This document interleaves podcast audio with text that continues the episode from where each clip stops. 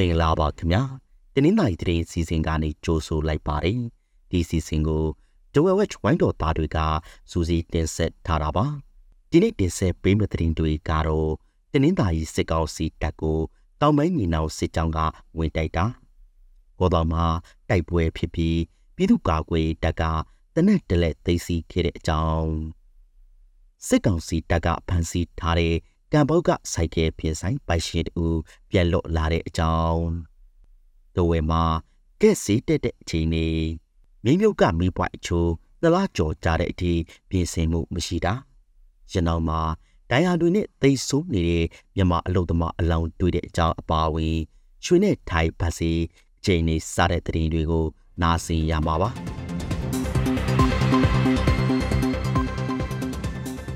တင်းနှင်းသားမျိုးနဲ့ရေဖြူရွာမှာရှိတဲ့စစ်ကောင်စီတပ်ကိုတောင်ပန်းညီနောင်စစ်ကြောင်းကဒီဇင်ဘာလ9ရက်နေ့မှာဝင်ရောက်တိုက်ခိုက်ခဲ့ပါတယ်။လန်သွားလန်လာတွေကိုစစ်ဆေးလေးရှိတဲ့စစ်ကောင်စီတပ်သားတွေကိုတိုက်ခိုက်ခဲ့တာဖြစ်ပြီးမိနစ်30လောက်ကြာတိုက်ပွဲဖြစ်ပွားခဲ့ပါတယ်။တိုက်ခိုက်မှုအတွင်းစစ်ကောင်စီတပ်သား2ဦးသေဆုံးပြီးတဦးဒဏ်ရာရခဲ့တယ်လို့ဆိုပါတယ်။တောင်ပိုင်းညီနောင်စစ်ကြောင်းကတော့အထီးခိုင်မရှိပြန်လည်ဆုတ်ခွာခဲ့တယ်လို့ဆိုပါတယ်။ တိုက်ပွဲဖြစ်ပြီးနောက်မှာတော့ရေဖြူနဲ့ချောင်းနှမှုရွာဘက်ကိုစစ်ကောင်စီတပ်ကလက်နက်ကြီးတွေနဲ့ပစ်ခတ်ခဲ့ပါတယ်။ကောတောက်ခရိုင်မှာစစ်ကောင်စီတပ်နဲ့တိုက်ပွဲဖြစ်ပြီးပြည်သူ့ကာကွယ်တပ်ကတနက်တလက်ရရှိခဲ့ပါတယ်။ချီလီစစ်ကြောင်းထိုးလာတဲ့အင်အား20ပါစစ်ကောင်စီရှိပြီးတပ်ကိုခမောက်ကြီးမျိုးနဲ့ဖောက်တော့ရွာတင်ချိုင်းနာမှာဒီဇင်ဘာလ10ရက်နေ့ကကြားဖြတ်တိုက်ခိုက်ခဲ့တာလို့ဆိုပါတယ်။ မိနစ်30အကြာတိုက်ပွဲဖြစ်ပွားခဲ့ပြီးစစ်ကောင်စီတပ်ကတာကြနဲ့သူ့တာကြတို့သိဆိုပြီးတပ်သား2ဦးတရားရခဲ့တယ်လို့ဆိုပါတယ်။တိုက်ခိုက်ခံရတဲ့စစ်သားတွေကခမရ984တိုင်ရင်ကဖြစ်တယ်လို့ပြည်သူ့ကာကွယ်တပ်ကထုတ်ပြန်ထားပါတယ်။မောရဝတီရေတပ်ကဖမ်းဆီးစစ်ဆေးခဲ့တဲ့ရေဖြူမျိုးနဲ့ကံဘော့ရွာကစိုက်ကဲပြင်ဆိုင်ပိုက်ရှင်2ဦးထက်ကတူမနေ့ကပြန်လော့လာပါတယ်။ ကိုအောင်ခဲနဲ့ကိုပိုင်ပိုင်ကိုသူတို့ရဲ့နေတွေမှာနိုဝင်ဘာလ30ရက်နေ့ကစစ်ကောင်စီရှိတာကလာရောက်ဖမ်းဆီးခဲ့တာပါဒီလိုအဖမ်းခံရပြီးဆယ်ရက်အကြာမှာတော့ကိုအောင်ခက်ပြန်လော့လာတာပါဖမ်းဆီးပြီးစစ်ဆေးခံရချင်းသူတို့နှစ်ဦးစလုံးကိုမောရဝတီရစ်တပ်ထဲမှာအတူထားရှိပြီးတဦးနဲ့တဦးအဆက်အသွယ်မလုပ်ခိုင်းဘူးလို့ဆိုပါတယ်အနာသိပြီးနောက်ပိုင်းကံပေါက်ဒေတာကကိုစိုးဆိုင်ပိုက်ရှင်နဲ့လုပ်ငန်းရှင်အချို့ကို ဝရဝတီရေတပ်ကမကြာခဏခေါ်ယူစစ်ဆေးလေးရှိပါတယ်။အခုလပထမပတ်ကစပြီးတဝဲမျိုးမှာမိဖို့တို့ကလူသလောက်မရတော့လို့စိတ်မြင့်တက်နေပါတယ်။ကဲအိုအရွယ်စားပေါ်မူတည်ပြီးအ ਨੇ ဆို9000ကျပ်ကနေအများဆို9000ကျပ်အထိမြင့်တက်သွားတာပါ။မိဖို့ချောင်းတို့ gas ကိုထိုင်းနေဆက်ဖြစ်တဲ့မြဝတီလမ်းကြောင်းကအများဆိုတည်သွင်းနေတာပါ။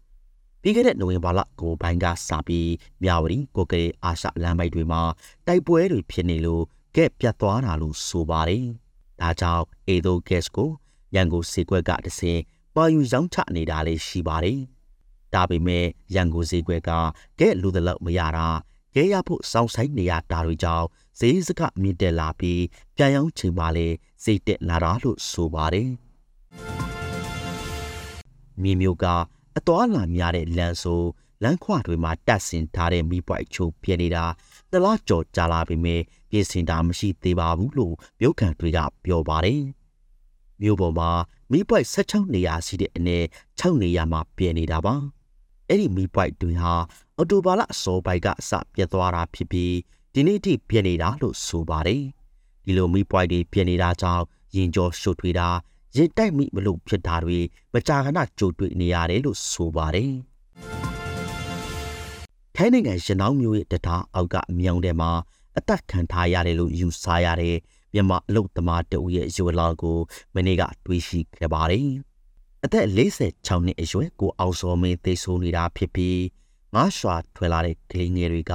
အလောင်းကိုတွေ့ရှိခဲ့တာလို့ဆိုပါတယ်။သိဆိုးသူဟာအယောက်ဆိုင်တဆိုင်မှာအလုတ်လုတ်ကင်နေသူဖြစ်ပြီး မသိဆိုးခင်ညာကအရက်မှုပြီးအိမ်ပြန်လာပေမဲ့ရန်ဖြစ်ထားတဲ့ပုံစံမတွေ့ရဘူးလို့ဆိုပါတယ်။အဲ့ဒီည7နာရီလောက်မှာအပြင်ထွက်သွားပြီးနောက်အိမ်မပြန်လာတော့ဘူးလို့ဆိုပါတယ်။အလောင်းကိုစစ်ဆေးရမှာတော့လေဘေမှာထိုးသွင်းတန်ရာတွေတွေ့ရပြီးထပ်ပြီးစစ်ဆေးဖို့အတွက်ရနောင်ဆေးရုံကိုပို့ဆောင်ထားပါတယ်